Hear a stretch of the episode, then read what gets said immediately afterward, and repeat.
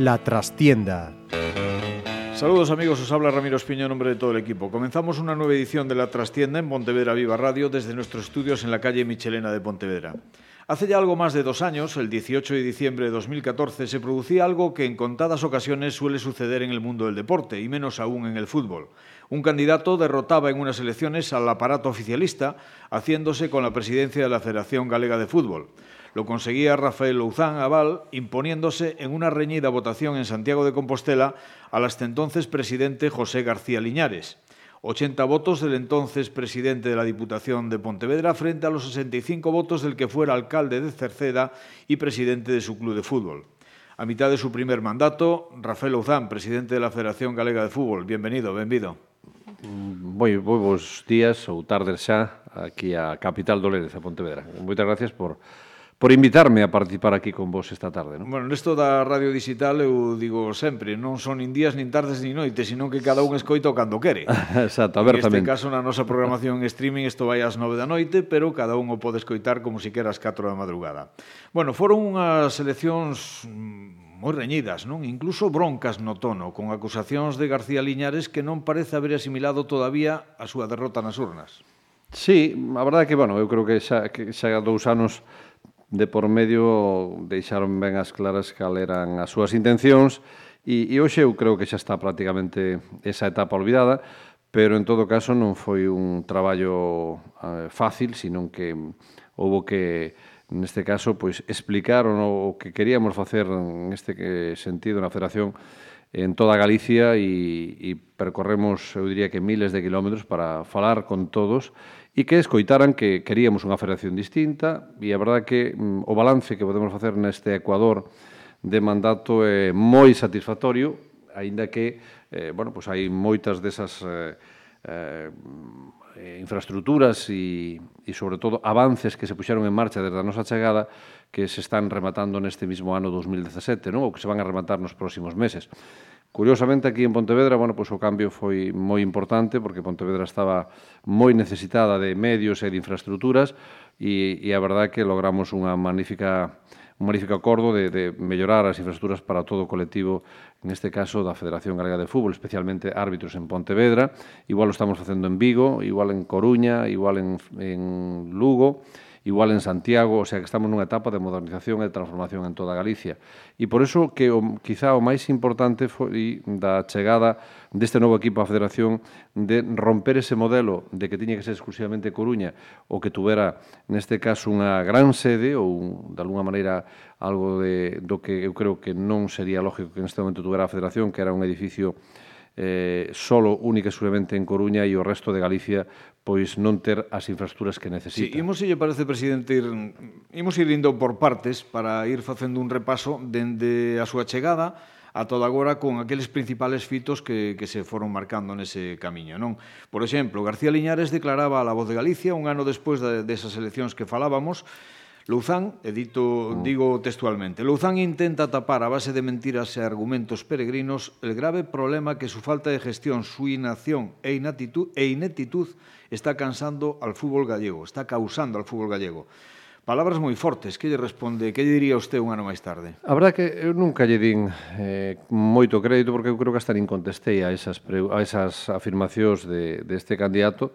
que xa digo, eu creo que el tuvo unha etapa de 4 anos e, e esa etapa pois, non tuvo continuidade porque así o decidiron, neste caso, a maioría de clubs eh, árbitros e entrenadores de toda Galicia. Por lo tanto, de verdad, non, non creo que é por intentar rebatir algo, el tiña que justificar algunha cuestión, pero sabe que a transformación que está en marcha eh, no, no que é a Federación Galega de Fútbol en toda Galicia é algo evidente e, por lo tanto, para que entrar a valorar eso? Non? Eu creo que O noso balance habrá que facelo cando remate dentro de escasamente dous anos e aí, os, neste caso, todos os que compoñemos a federación, clubs, árbitros e demais, deben de decir, vale, nos interesa nos esta opción de, de federación ou queremos outra totalmente distinta e eu creo que vamos no bo camiño e, polo tanto, estamos moi contentos delo. Vostede apuntaba precisamente da nova sede federativa na Coruña que Liñares e a súa directiva parecía querer levar adiante a toda a costa, incluso antes do relevo presidencial,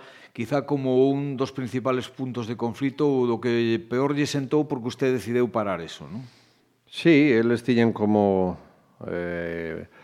bueno, pois de alguna maneira logro da, da súa etapa pois construir ese gran edificio na plena cidade da Coruña, algo que sería, eu creo que, un error. E, curiosamente, coa nosa chegada se rompeu precisamente esa posibilidad e creo que, ademais, toda Galicia, incluída a propia cidade da Coruña, curiosamente están contentos do que se fixo. En Coruña se Se están abrindo agora unhas novas oficinas para a Federación Galega de Fútbol despois de tantísimas décadas que, que, que demandaban unha, un novo espacio para traballar e finalmente temos un espacio, eu creo que magnífico, ben negociado por este equipo directivo e que vai a estar a disposición en cuestión de un mes e pouco a, a disposición de todos. Non? Por lo tanto, con eso e coa descentralización que fixemos para toda Galicia, hoxe a satisfacción eh, que hai no colectivo, sobre todo de entrenadores e de árbitros, e tamén no federativo en gran parte, sobre todo porque eles teñen moita actividade formativa, de ter uns espacios donde poder ter uns medios necesarios para poder formarse, creo que é a, a satisfacción generalizada que, que reina en este momento en, en Galicia en relación aos cambios que se están a producir. Quizá o que no seu momento levantou unha certa estraneza foi que, ou que algúns non dixiriron ben, o feito de que por primeira vez en moitísimos anos a presidencia da Futgal hubera salido do entorno coruñés. Sí, eso, ademais, eh, curiosamente, é algo que nunca se había dado. Non, creo que nunca se dou de que unha persona, que neste caso Galicia é toda, non, non da igual sea norte sur, pero evidentemente estaban sempre eh, bueno, pues, presidentes que estuveron en toda a última etapas ou últimas etapas, a verdad que non foron moitos, pero todos eran evidentemente radicados na Coruña, eh, ou no seu entorno e, e polo tanto parece que tiña que ser exclusivamente de ali, non? Coa nosa chegada non foi así, sino que rompemos precisamente mm, esa, esa forma de entender que tiña que ser pois, unha persona que viva na Coruña. E, e a verdad que, bueno, aínda que temos que desplazarnos eh, moi a menudo para estar na Coruña ou estar en Santiago ou en calquer punto de Galicia, pois o facemos eh, de maneira eh, voluntaria e, e sin ningún tipo de problema, porque ademais estamos percorrendo toda Galicia, hoxe, sin ir máis lexos, vimos de Ourense, e, e polo tanto, bueno, pues, eh, facémolo encantadamente, porque Galicia hai que estar moi presente, en, pero en todos os lugares, non só na ciudad da Coruña, claro. A súa directiva aposta mayoritariamente por Santiago como epicentro do fútbol galego, por situación xeográfica e lóxica, ademais de estar máis a mano para, para casi todos, non? Sí, a verdad que mm, ese novo espacio que vamos a contar desde o mes de junio, que estará rematadas as obras, eu calculo, pois de, onde estaba a antigua Secretaría Xeral para o Deporte de Galicia, no propio Estadio de San Lázaro, con, eu diría que debe haber unhas 500 plazas de aparcamento no seu entorno,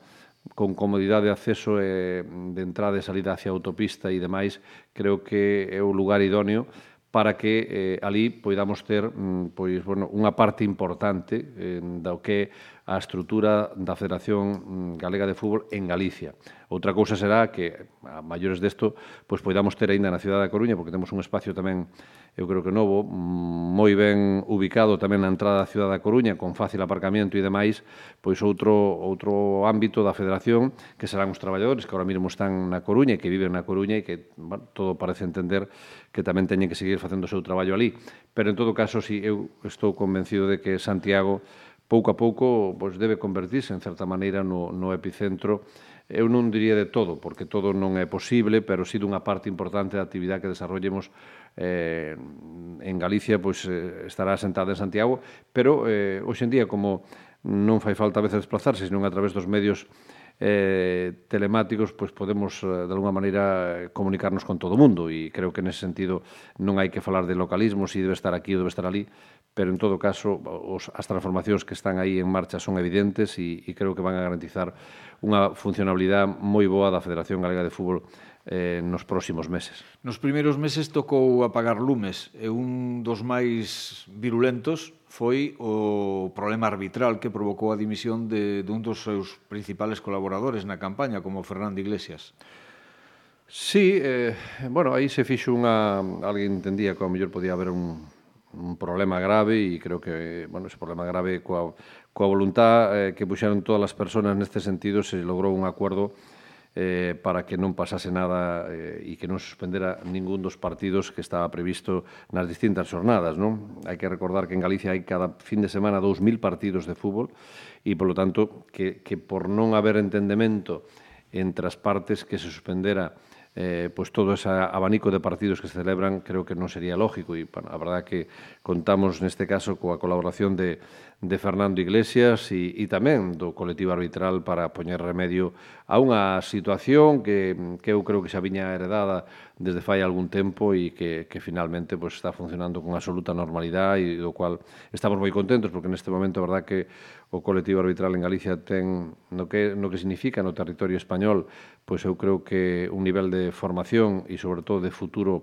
eh, consolidado moi importante. Daqui están salindo eh, pois eh, magníficos árbitros, moi xóvenes todos eles, incluído daqui, da propia cidade de, de Pontevedra, desta delegación de Pontevedra, e, por tanto, estamos moi contentos do colectivo arbitral, do seu comportamento e, sobre todo, da súa actitud para que mm, aquí todo funcione e funcione ben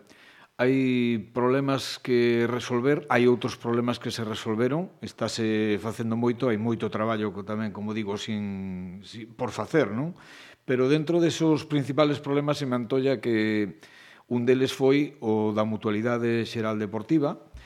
e dous que están todavía en vías de, de solución, polo menos de, de alcanzar o consenso que sería desexable, son os do fútbol veterán, e os do, da integración de, da Federación de Fútbol Sala? Pois sí, a verdade primeiro que nos encontramos foi en Galicia con dous hospitales dos sete que se necesitaban en ese momento, había solo dous, e fixemos unha verdadeira transformación neste sentido para eh, un tema tan sensible para todos os xogadores, para todo o colectivo do fútbol eh, federado en Galicia, que era pois, ter unha mutualidade fuerte e, sobre todo, cunha boa atención hacia os accidentes deportivos. Non? e, e a verdade que esa transformación hoxe en día é unha realidade. Hoxe temos eh,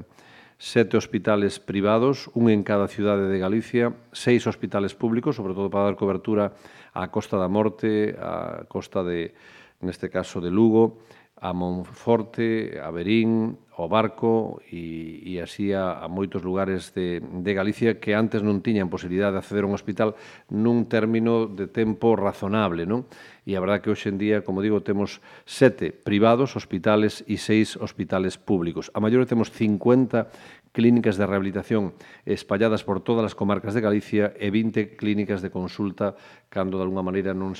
non se necesite de unha urgencia, sino que cunha simple consulta poida ser atendido. E a verdad que estamos, xa digo, moi contentos desta transformación, creo que é unha realidade, un magnífico servicio.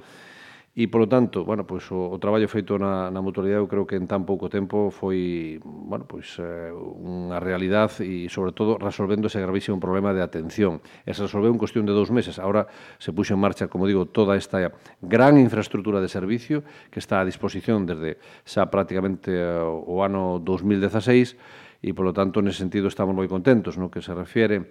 a outro apartado de veteranos, Bueno, pois pues, eh, Galicia hai unha competición de veteranos moi moi importante eh, a nivel de todas as provincias ou delegacións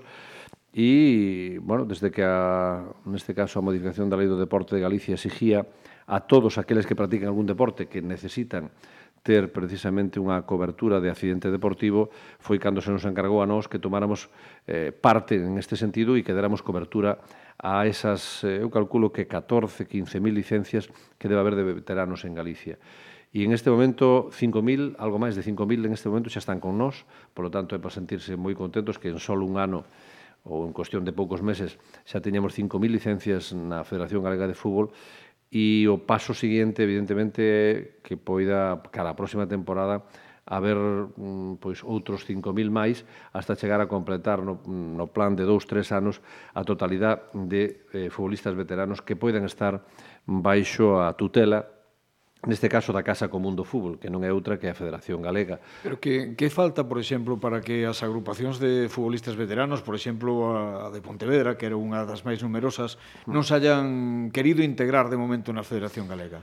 Bueno, eh, eu creo que o primeiro que hai que facer é valorar, e así o fixemos, o, o traballo que fixeron estas asociacións, porque sin ter nada, crearon da noite para mañán pois unha estrutura importante en cada unha das eh, sete cidades de Galicia. Non? Cada, unha, cada ciudad hai unha asociación que crearon o fútbol veterano e, polo tanto, con respecto a eles, pois eu o primeiro que teño é agradecemento hacia o seu traballo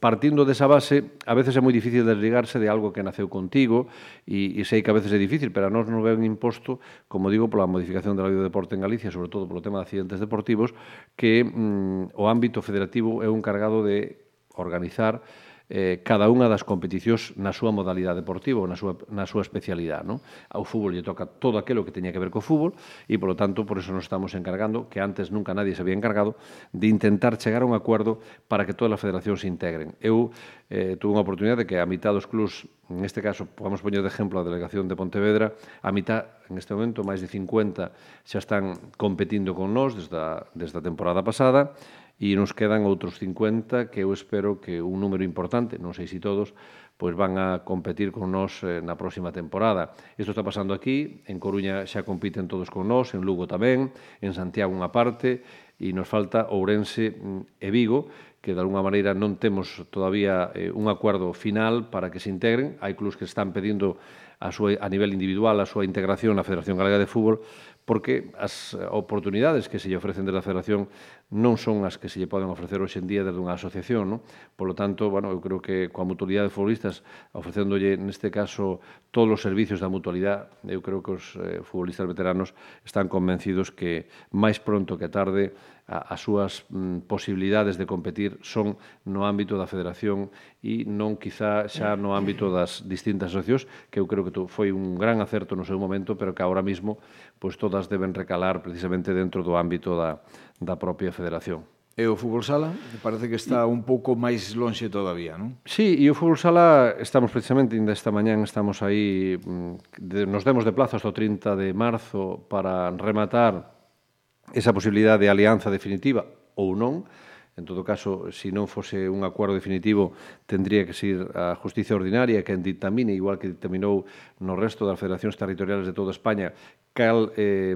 debe ser o, o camiño e o camiño foi en outras federacións integrarse, en este caso, nas federacións territoriales de fútbol. Non? Creo que mm, eso é algo que ten que ser sí ou sí. Por que? porque así está establecido e aparte porque ademais se están perdendo uns ingresos importantes que, que o fútbol sala eu creo que lle veñe moi ben si está dentro da Federación Galega de Fútbol. Non? Ahora mismo a venta de dereitos Mm, centralizados eh, de, da venta de dereitos de fútbol pois vai a permitir uns ingresos para a Federación eh, en Galega e para as distintas federacións de España moi importantes e, e polo tanto, bueno, pois, eh, esos ingresos eh, porcentualmente veñen en función do número de licencias e curiosamente esas licencias tamén lle vendrían moi ben precisamente ao, ao fútbol sala, non? Pero bueno, neste momento é algo que, que temos que, que traballar e, e se si realmente o logramos hai uns datos que son, eu creo que son, son moi contundentes, non? Agora mesmo a Federación Galega eh, eh ten 70.000 licencias de futbolistas, solo de futbolistas e, e sin contar os casi 30.000 que hai de é fútbol sala. É a cuarta de España, entendo, non? Ahora mismo é a cuarta de España, pero se si realmente incorporamos a fútbol sala seríamos a terceira, curiosamente, a pesar de ter tan pouca población, non? Isto quere decir que, que Galicia é unha verdadeira potencia no ámbito do fútbol, no ámbito do deporte en particular, pero especialmente no fútbol e no fútbol sala, porque, xa digo, con 2,7 millóns de habitantes só no territorio galego, pois eh, contar con, sumando o fútbol sala, 100.000 licencias en toda Galicia creo que é unha cifra récord e que ademais debemos facer valer, non? Que creo que neste sentido é o traballo que nos toca a partir de agora facer valer o potencial que Galicia ten en número de licencias, en clubs, en entrenadores tamén, por suposto, e na calidad do equipo e de todo o colectivo arbitral que ten Galicia. Todo eso hai que aunalo e hai que poñer en marcha, pois eso, a defensa dos intereses de Galicia en, en outros lugares que é o que agora mesmo toca. Eh, falando de ingresos, un dos proxectos estrela tamén podría ser a Quiniela Galega, non? Sí, está, está prácticamente moi moi avanzada xa. Tuvemos que constituir eh, unha fundación de interés público para poder levar a cabo a gestión da mesma e agora estamos eh, cerrando ou intentando cerrar un acuerdo cun operador de apuestas que en este caso pois, é un dos máis importantes que hai no territorio español e, curiosamente, ademais, en Galicia. Non? Si eso se así se cerra co traballo que está facendo a Universidade de, de Vigo do campus de Ourense eh, e con todos nós, pois esperamos poder cerralo canto antes. Non foi un traballo fácil, levamos pois casi un ano eh, traballando en este sentido, porque é a primeira vez que se pon unha experiencia destas características en Pero marcha. Chegarás a tempo para a próxima temporada, por exemplo? Esa é a idea. Coa última aportación que lle demos a semana pasada de, de información, eh, de datos que nos faltaban e demais, e coa posta en marcha, como digo, da Fundación mm, Fundación do Fútbol Galego, pois... Eh, eu creo que a nosa idea é que podamos iniciar coa temporada 17-18 precisamente esa nova andaina que espero que teña beneficios e, e beneficios importantes para para o fútbol galego. Xa digo, é un traballo que non todo a veces sale perfecto, pero neste caso é un traballo moi laborioso, porque ademais é, un, é unha cuestión que está cambiando eh, de maneira importante, eu diría que nos dous, tres últimos anos, porque hai moitas apostas online e diverso tipo de apostas que se fan por internet e, polo tanto, eh, é un mercado que ahora mismo bueno, pues está mm, saturado. A única diferencia é que esta é unha quiniela puramente galega, que ten identidade galega e, e eso está facendo que, que sea un, un produto atractivo, non? Ainda que ben certo que vamos a ver como unha vez que se poida implantar, pois como, como funcionaría ou como vai a funcionar no mercado galego. Espero que, que sirva de, de complemento para todos os clubs e que sirva tamén de imagen de que Galicia pois ten tamén eh, unha unión forte en torno a un produto propio, que neste caso eh, sería esta quiniela galega que queremos poñer en marcha. Podenos adiantar algunha das liñas básicas, por exemplo, como sería, a, a donde iría destinada a recaudación, si, pod, si seguiríamos soñando co, cun, con ter unha quiniela de 14 ou pleno 15 ou van a ser distinto número de partidos, en fin, no, as liñas básicas. A columna vertebral estaba sentada eh, en que mm, habría unha participación de todos os clubes de terceira división, que de alguna maneira é a competición eh, eh, máis importante que ten Galicia, me refiero a delegada. Eso serían 10 partidos. Esos son 10 partidos, despois tendríamos dous partidos probablemente da Regional Preferente Norte e Regional Preferente Sur e tendríamos tamén o fútbol femenino, non? Por lo tanto, esa é a columna vertebral está asentada en base a eso, en base a que participan mm, pois moitas localidades de todo Galicia. Está claro, non poden ser equipos da Liga de Fútbol Profesional, o sea, no. Celta Deportivo, Lugo es, tampouco, e Segunda B tamén quedaría fora por depender da Española. Exactamente, entón sería eh, produto propiamente galego, no cual cual o, neste caso, o fútbol femenino tamén ten unha parte de atractivo que creemos que é interesante e, e sobre todo, pois, os 20 equipos de terceira división, máis tamén os outros 40 de regional preferente, pois, de alguna maneira van a estar entrelazados mm, para, para de alguna maneira, que sirva de referencia e de base a, esta, a este modelo de quiniela que se quere implantar en, en Galicia.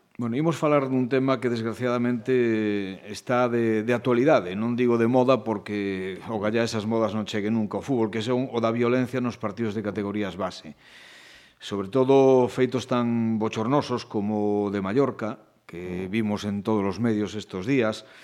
eh, que hai que, que requiren medidas drásticas para evitar que poidan producirse de novo. Non? En ese sentido, penso que a Federación Galega tamén está intentando ser pioneira estudiando eh, normativa de cara ás próximas temporadas, non sei xa se a próxima, para evitar que se poidan producir ese, ese tipo de sucesos nos, nos campos donde participen nenos e nenas. Pois a verdad é que o único que o objetivo que quere Galicia é acertar, non? Porque este é un problema que pasou en Baleares, pero pudo haber pasado en un campo galego tranquilamente, non? E, e creo que... Sin tanta virulencia, pero desgraciadamente está pasando casi sí. cada semana, non? Sí, sí. Sí, sí, porque a veces non se chega a, a agresión física, pero sí o insulto, bueno, uh -huh. por desgracia podemos eh, velo en algún campo, algún que outro campo de fútbol de Galicia, ¿no? Entón, é certo que levamos eh, tamén bastantes meses xa traballando en isto, non polo, non polo que hubiera sucedido en Mallorca, sino porque sabemos e somos conscientes de que está habendo problemas graves nos campos de fútbol. O habitual, e as persoas que somos de fútbol de toda a vida, Recordamos aquelas agresións que se producían a árbitros en terceira regional, casi, bueno, un fin de semana sí, un fin de semana non. E curiosamente ahora todo eso cambiou e se está a producir no fútbol base de Galicia insultos hacia o, neste caso mm, equipo técnico, entrenadores e demais ou hacia algún directivo ou en particular tamén hacia o colectivo arbitral, non? Pero insultos ademais eh, eu diría que graves con ademais o modelo que lle estamos enseñando os cativos, pois é un modelo que, que non se debe producir nunca, non con insultos e demais, e o exemplo é nefasto.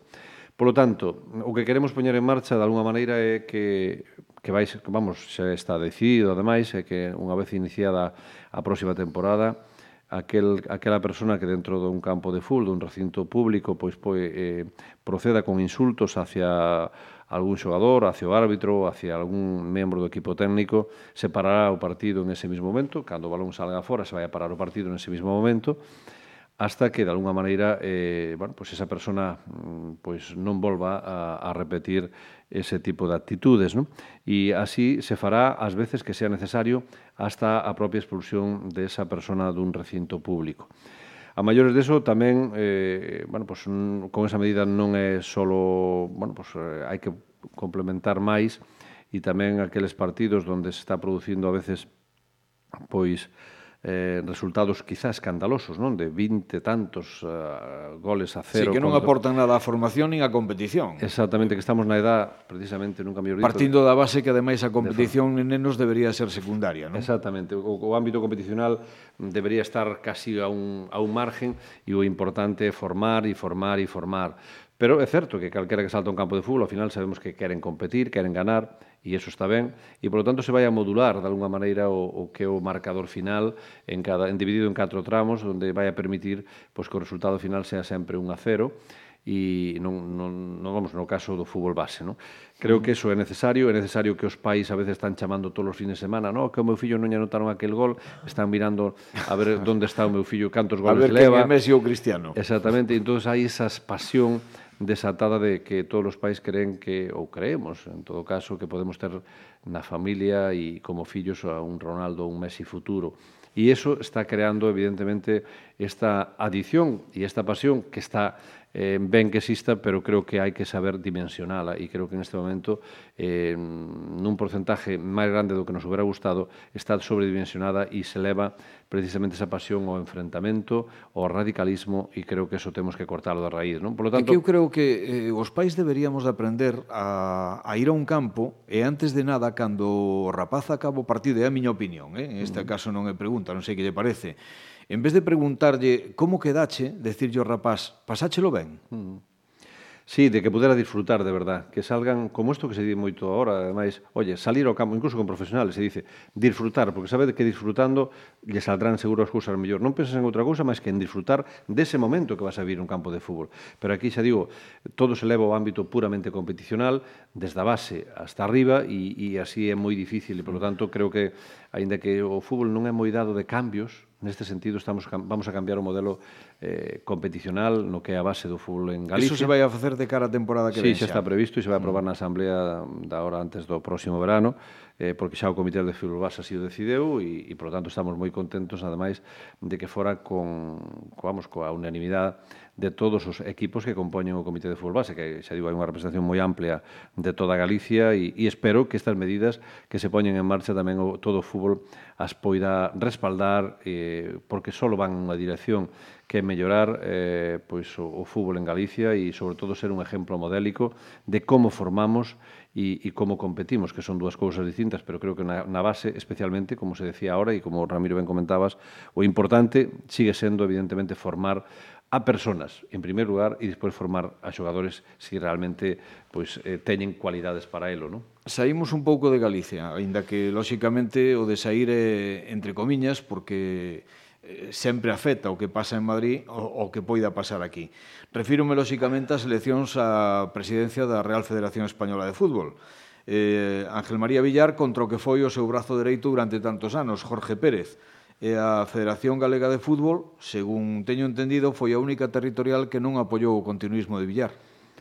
Sí, bueno, hai, hai, hai, hai varias e eh, ahora mismo eh, hai algunha máis, non? Pero eh, non é pues, mm, tanto de apoiar ou non apoiar, eu lle dixen a, ao propio presidente que un, bueno, pues eu durante ano e medio que estuve en ali,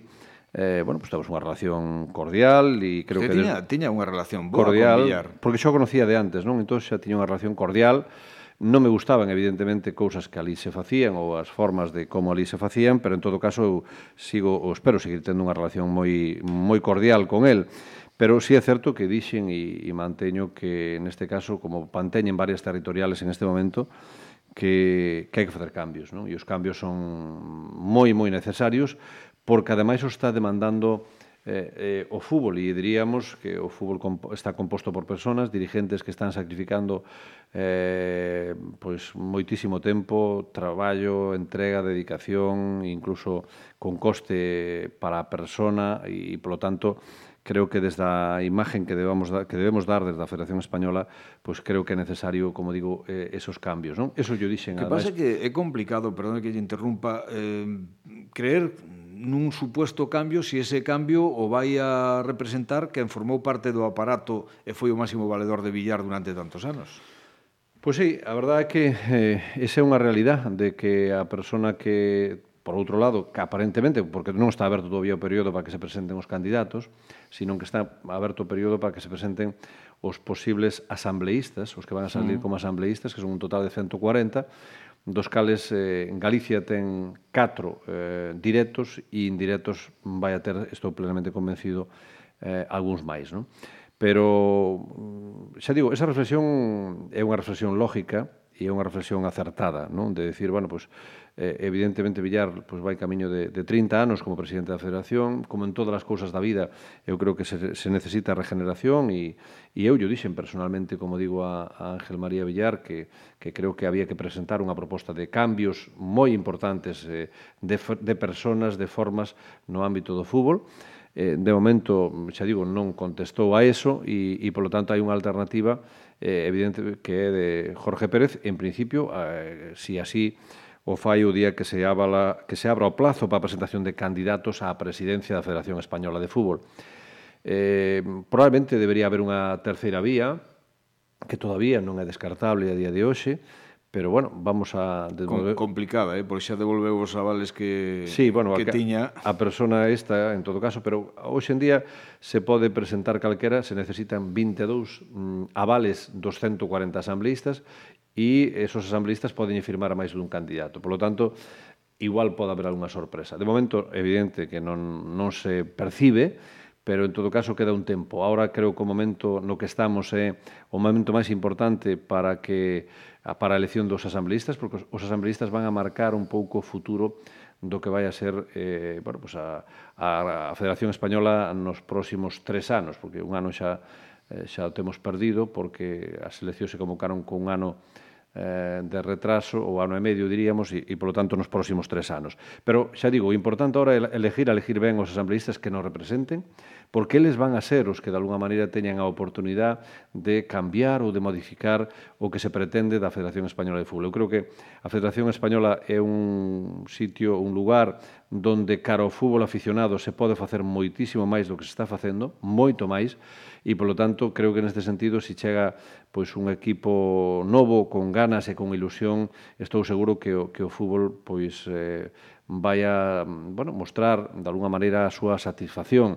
Iso é a miña apreciación, xa digo, con respecto a todos os posibles candidatos que poida haber e creo que se necesitan, como digo, eh, bueno, pues, en todas as facetas da vida sempre se necesitan cambios, pero en esta quizá máis e, e a máis de maneira eh, modélica e, e de maneira dialogada. Eu así yo trasladei ao presidente da Federación Española e Galicia, ademais, eh, creo que vai sendo hora, e esta é a hora determinante, tamén de que se faga valer. Como dixen antes, somos a terceira ou a cuarta máis importante de España en número de licencias e creo, sinceramente, que sempre fomos ali prácticamente ou fomos de comparsa, non? E creo que eh, nesta vez eh, Galicia ten que alzar a voz que de alguna maneira eh, se lle escoite de verdad e que eh, se lle atenda en base ás demandas que levamos planteado. Eu creo que neste sentido, durante este ano e medio, pois, eh, collín o, o rebufo da persona que estaba antes que min, tuven que facer eh, buscarme pois eh, ali aliados para que mm, colaboraran con Galicia, a verdad que os encontrei, pero en todo caso creo que agora é un modelo é un momento de, de poñer en marcha tamén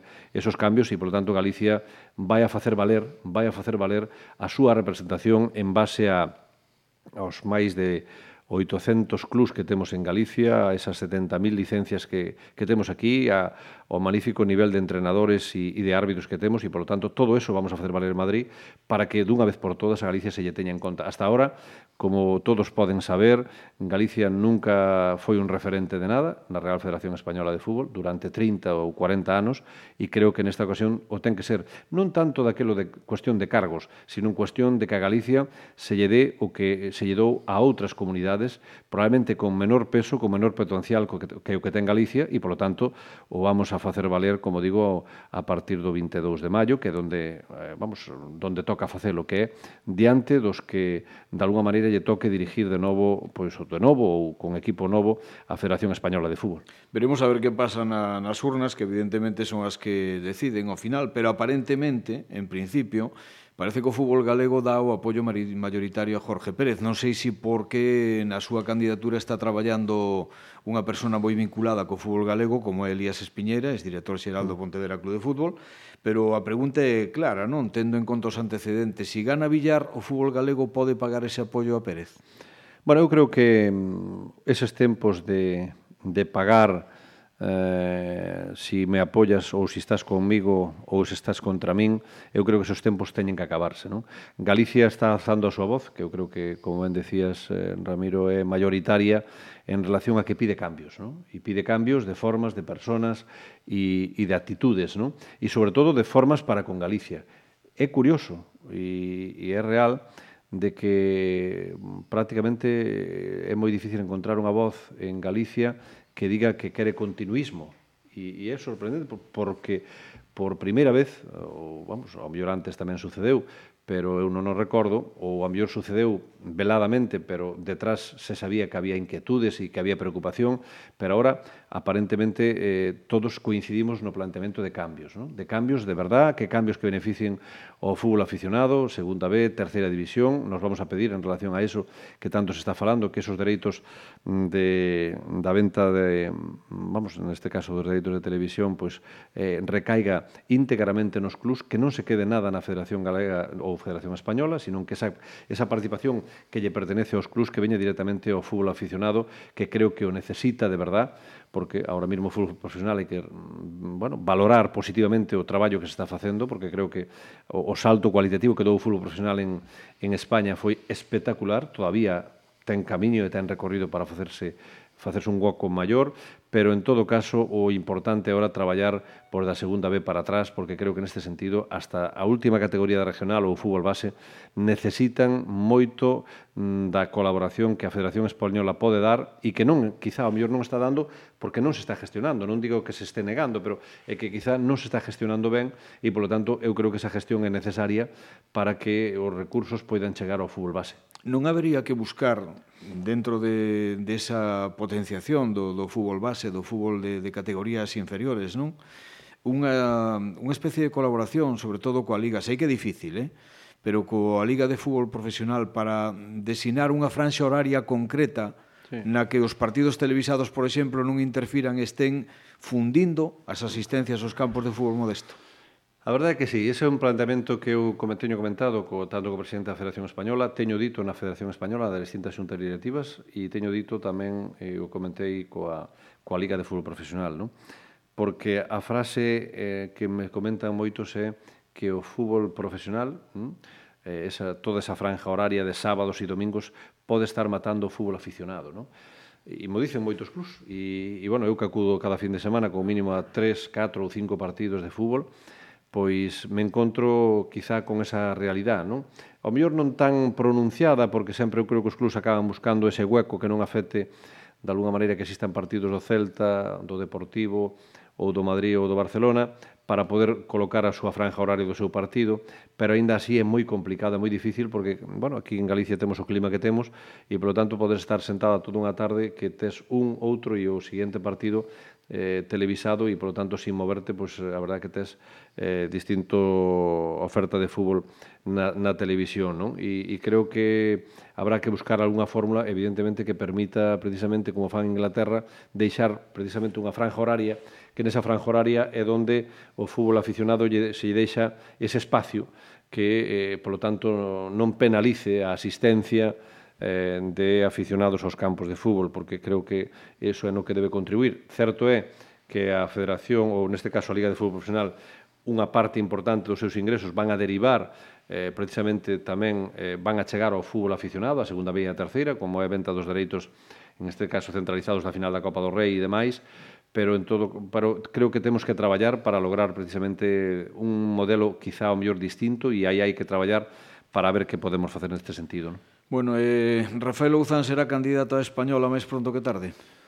No, agora mesmo é o que estamos centrados en Galicia, que hai un traballo moi grande por diante, de verdad, e, e este é o que nos ocupa, eh? e, polo tanto, eu estou moi contento e teño que agradecerlle a confianza que nos están dando todos os clubs de Galicia, ou a imensa maioría, a propia equipo directivo que está conmigo, os colaboradores todos que, que temos da Federación, desde traballadores e demais, para que poidamos poñer en hora, porque non estaba en hora a Federación Galega de Fútbol, estaba eh, quizá no siglo pasado e creo que mm, isto mm, beneficia, si se mellora e nese camiño vamos, beneficia o traballo dos clubs e, e o traballo de todos, non? E, e creo que todos os directivos que están implicados no fútbol galego, desde calquer club de terceira regional hasta calquer club de, de vamos, de club profesional, pois creo que merecen eh, o noso reconocimiento mm, do traballo impagable que están facendo e eu só teño palabras mm, como digo, de, de agradecemento profundo e sincero, porque os vexo, sei o que fan, contacto moi a menudo con, con casi todos, porque a todos é casi imposible chegar, visito as súas instalacións, sei, como digo, a labor diaria que é tan comprometida e por eso que o que teño que trasladar é a nosa satisfacción e o agradecemento desde a Federación Galega. E dicirlles que agora a Federación Galega é a verdadeira aliada, está aí para axudarlles, para tomar decisións, porque tamén estamos tomando moitas decisións, seguramente en algunhas eh, eh nos equivocaremos, pero como, como nunca se están tomando decisións importantes para o cambio de modelo da gestión da Federación Galega de Fútbol que creo que era unha necesidade. E finalmente que nos tocou a nós esa decisión ou ese traballo e o estamos facendo, bueno, pois xa digo, moi comprometidos e espero que dé os resultados que se esperan e, e bueno, ese balance que ahora estamos no Ecuador o vamos a ver dentro de prácticamente dous anos e, e aí tendrán a voz e a última palabra pois os clubs, entrenadores, árbitros, en definitiva, pois eh, todo o fútbol galego tendrá a súa palabra para decir se si vamos no bo camiño ou non. Imos a ir rematando xa, eh, vamos a volver un pouco a casa. Eh, síguelle quedando tempo para ir a Senra ver o Riva Dumea? Non moito, porque mm, ayer, eh, ayer estaba vendo Celta B coa Ponferradina e, e a veces, bueno, ese é un partido xa dun certo nivel, un nivel importante, por certo, pero me gusta moito eh, porque máis así mo piden os directivos, non? Acercarme a ver aqueles partidos, do vendo Arenteiro con, con Pontourense e a Boimorto, a todos os lugares a donde vayas, a verdad que a satisfacción que vives aí é, é máis intensa que a que podo vivir, neste caso, pois indo a, a Ribadumia, que ali, bueno, pois eh, xo teño moi preto e conozco ben aquela realidad, pero, pero me gusta ahora compartir o, o que vexo do fútbol galego, e de vez en cuando, xa digo, son menos veces das que eu quixera, pois me teño, me acerco arriba do tamén porque me queda moi cerquiña, non? Pero, pero creo que o fútbol galego necesita que vayamos percorrendo Galicia con eles para ver o que pasa en cada, en cada rincón e sobre todo descubrín lugares magníficos como é a Costa da Morte onde o fútbol se vive con verdadeira pasión ou lugares como acabo de decir Boimorto e, e outros lugares de Galicia onde ali se fai ou se vive o fútbol de verdad ese fútbol nacido desde a base e, e traballando todos os días, de lunes a lunes, e, e a verdad que mm, que poidan sentir a federación como moi cerca, pois eu creo que é o importante. E, polo tanto, eso é o que me toca facer e o fago encantado. Como está a terceira división, por certo, eh? porque o Fabril, que parece que está de, de líder xa non hai que nos saque dai, hai tres equipos por abaixo que, desgraciadamente, teñen moi mala pinta en canto a manter a categoría, pero que despois, dentro cuarto pola cola, casi hasta os puestos de playoff, ganas tres partidos e cambias dun lado a outro. Eh? Sí, esta mañán, cando estaba repasando a clasificación, é verdad que é espectacular a, a, neste caso a competición pola proximidad que, que, está, que teñen uns equipos sobre outros en relación ao que poida acontecer. No? O primeiro que debemos decir, é, xa falando do fútbol propiamente galego, que esperemos que na segunda división B temos a oportunidade que temos ao, ao Celta B, que puden ver ayer nun momento extraordinario de forma e, e bueno, vas contra un gran equipo que é a Ponferradina, polo menos a nivel de presuposto e de nombres, pero creo que ten unha oportunidade o domingo de, de poñerse de primer clasificado, cual dá unhas opcións maiores á hora de poder ascender de categoría e polo tanto temos dous equipos, o Celta B e o Pontevedra, que van a estar na fase de ascenso e creo que, bueno, pues nun grupo donde había solo seis galegos, eh, de 20, creo que non está nada mal, non? empezou mal o Racing de Ferrol, senón eu calculo que hubiera estado tamén aí peleando para estar na fase de ascenso, e van a sido tres, E despois nos quedan, evidentemente, eh, o Coruxo, que eu creo que está facendo un magnífico papel, eh, bueno, pois pues, a pesar de non ser eh, pois pues, ese ou vamos o Celta ou, ou Pontevedra, con un equipo extraordinariamente humilde, pero que está facendo unha labor magnífica e eu creo que ten prácticamente salvada a categoría. E agora o que temos que traballar é porque eh, o Somozas, por desgracia, xa o ten prácticamente imposible, pero que o Boiro pois non caia non poidera cair en esa mm, situación de poder eh, ter que entrar nun playoff de descenso ou, ou incluso de descenso directo. Eu sei do traballo que está a facer a directiva, en este caso o seu presidente do Boiro, para intentar salvar a categoría. Creo que como localidad, como comarca, se merece ter este equipo precisamente na segunda división B do fútbol español. E, e eso conlevaría, evidentemente, se non vai haber un descenso, descensos moi importantes que arrastrarían... Sí, podrían tercera, ser hasta seis equipos, claro. Hasta seis equipos podrían ser, e que en este momento, xa digo, desde o, eu creo que son catro os que entran arriba na fase de ascenso en terceira uh -huh. división,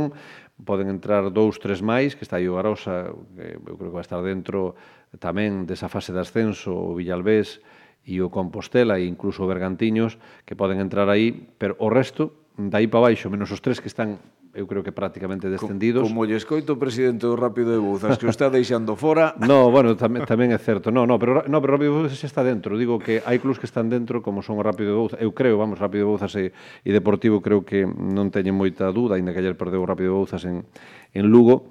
pero creo que neste sentido despois hai catro equipos máis ou cinco, como diría, que están aí para meterse no nese pañuelo de sí, de, fa, de fase ascenso. Pero despois do que o Silva para atrás, hasta os tres últimos que están descendidos, calquera calquera pode perder. Estaba falando fai un momento co presidente do Barco, que ayer empataba en Bargantiños, e, e bueno, eh, eles siguen estando preocupados, aínda que cada día van conseguindo pouquinho a pouco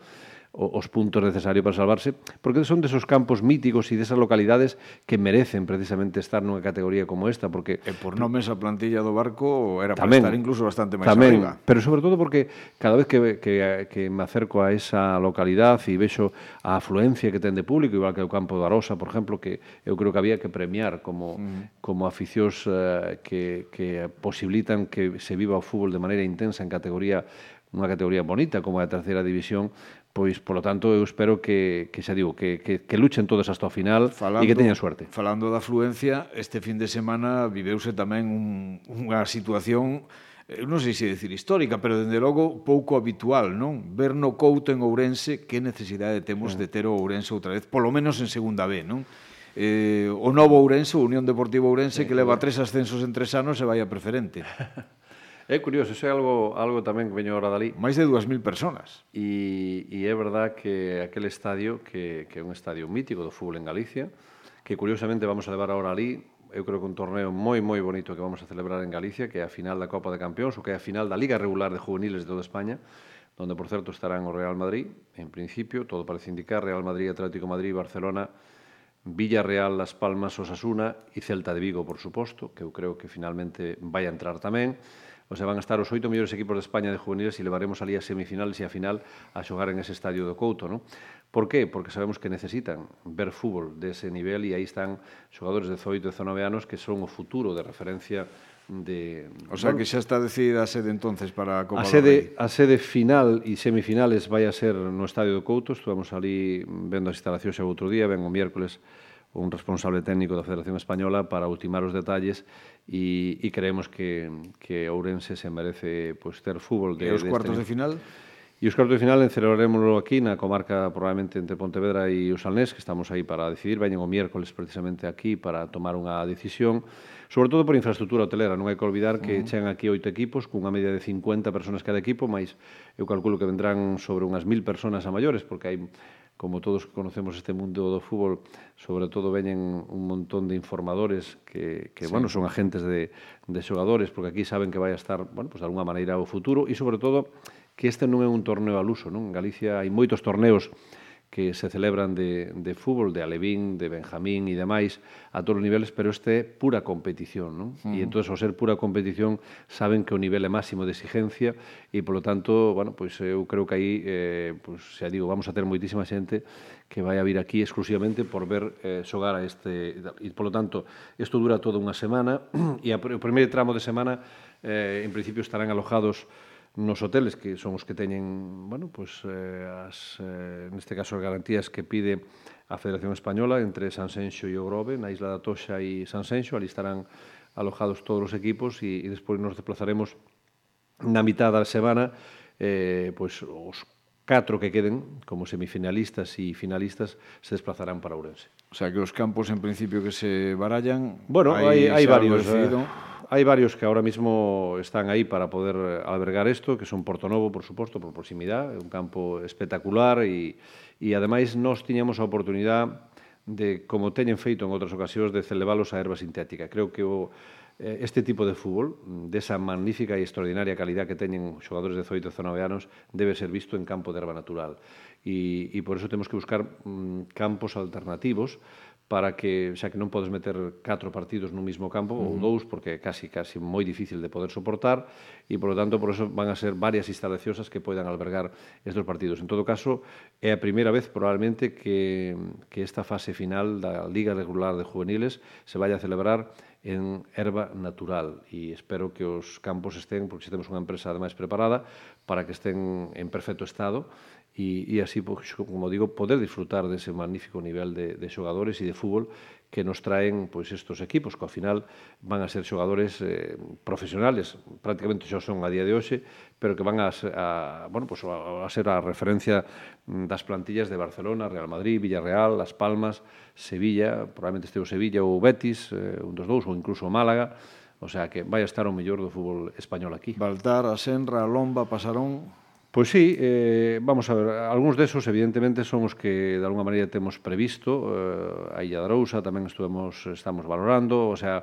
hai, hai varios escenarios posibles, non? van a vir aquí e despois aí eh, pois tomaremos a, a decisión de, de cal sean os mellores. Tamén hai que decir que, que vamos a ter unha, lugar, unha oportunidade magnífica de promocionar a, a zona onde estemos porque van a ser retransmitidos en directo por Gol Televisión todos eles e, e por lo tanto, creo que é unha magnífica oportunidade de ver ese fútbol que tanto nos gusta, que é o fútbol o que, o que está entre o fútbol profesional e o fútbol base, non? Bueno, e o Pontevedra, como vedes do seu posto federativo? Bueno, eu creo que o traballo que se está acometendo é eh, magnífico, sobre todo a reconducción de deuda e demais, e, e sobre todo no lado deportivo. Creo que subir de categoría nun ano e agora poder xogar a fase de ascenso, pois creo que é un éxito deportivo eh, extraordinario e, e agora só falta refrendalo con que se pudera chegar, pero en todo caso eu creo que eh, xa haber dado este paso de, de que estemos prácticamente a día de hoxe podendo decir mm, que, que vamos a estar na fase de ascenso creo que é un, é un logro magnífico que, que ojalá poidamos alcanzar. Si pode ser nesta temporada que, que non sea na seguinte porque creo que Pontevedra por estadio por, por club, por historia deste club por afición eh, se merece estar nunha categoría superior e se así pois podremos ver o estadio de Balaídos con, con afluencia de público que, que, o de Pasarón. que merecemos. O de Pasarón, me refiero. Porque ahora mismo é certo que o fútbol profesional a veces mata a presencia ou a, a asistencia de, de aficionados, porque claro, están cómodos vendo outros partidos e, e claro, e a veces non van a, aos campos, a pesar de que eu creo que un dos estadios donde mellor se ve o, os, o fútbol en, eu diría que casi en España é no estadio de Balaído, ou perdón, no estadio de, de Pasarón, non? porque supoño, ten unha calidade de visión fantástica. Supoño que coñece que coñece os movimentos accionariais que se están producindo no, no Pontevedra. Que lle parecen? Sí, bueno, eu creo que eh, nese sentido, ao final, sendo sociedades anónimas, pasan este tipo de circunstancias de que, bueno, o control accionariado recai unha parte importante, que decilo, eh, tamén sobre os propios aficionados, mm, que temos eh, algunhas accións, mm, poucas en todo caso, pero, pero temos algunhas accións e hai moitos aficionados que teñen unha cantidad pois razonable. Despois hai, evidentemente, dos grupos empresariales derivados pois eh, das circunstancias heredadas do, do pasado que, que ahora mesmo representa unha parte maioritaria coa propia presidenta e outra parte tamén que representa outro grupo que, bueno, pois que espero que tamén está, eu creo que está na línea ademais de traballar porque Pontevedra siga eh, en boas mans e, e sobre todo que alcance os logros deportivos que se buscan. Pero mm, sempre tendo os pés no suelo e sobre todo eh, que non se gaste máis alado que se ten, porque senón creo que eh, eso nos levaría a vivir situacións pasadas que eu ben recordo e, e que, bueno, houve que esforzarse moito daquela para que o club non entrara a liquidación e hoxe, gracias a Dios, temos un club, bueno, pois camiño de estar eh, plenamente salneado cun estadio de referencia que lle hubiera gustado estar que ter a moitos equipos e, e sobre todo cun futuro deportivo prometedor. Terminamos, Rafael Ouzán, superado o Ecuador do seu mandato na Federación Galega de Fútbol, presentarás a reelección dentro de ano e medio, pouco máis. Bueno, eso primeiro temos que acabar todo este traballo que estamos a facer e, e se os clubs así o, o demandan e, e todo o colectivo do fútbol galego estaremos aí. Por, isto non é cuestión dunha persona sola, é cuestión do, de un gran equipo de personas que, que estamos a traballar e, e creo que a eles me, me debo e debo agradecerlle pois si digo todo o que están facendo, pero en gran medida o fútbol non existiría se non houbera dirigentes, neste caso de, de clubs deportivos, que traballen de lunes a lunes para, para ver fútbol en cada un dos, eh, campos que temos en Galicia e, polo tanto, a eles, no, a eles o noso agradecimento e estaremos aí para o que se nos vaya pedindo e espero non defraudar. Esperamos traballar mm, como estamos facendo, entregando o mellor de cada un de nós para que a Federación Galega poida, dentro de moi pouco tempo xa, ser outra do que era realmente anos atrás. A min esa resposta sona a mon sí. Bueno, vamos a traballar para elo e se así os dicen os clubs, como digo, pues estaremos aí para darlle tamén resposta aos seus problemas e ao seu día a día. Non? Gracias, Rafael Luzán, por Moita, estar aquí nesta trastienda. Moitas gracias a, a este programa, a ti, Ramiro, e a Pontevedra Viva, a cual pois, tralada pois, a, a moitos seguidores do, do fútbol e, e do deporte en xeral pois, toda a información e a actualidade non só de Pontevedra e da súa comarca, sino de toda Galicia. Pois moitísimas grazas unha vez máis. E a todos vosotros a los que nos escucháis os dejamos con nuestra habitual despedida musical. Nacida en Alemania de madre malaya y padre de las Islas Fiji, se crió y formó en Inglaterra, donde hizo carrera como cantante y compositora en un estilo que mezcla el pop y el folk. Ella es Tanita Tikaran y uno de sus grandes éxitos, Twist in My Sobriety. Como siempre, que lo disfrutéis. Será hasta la próxima semana que intentaremos que haya más y si podemos, también mejor. Muchas gracias, os esperamos.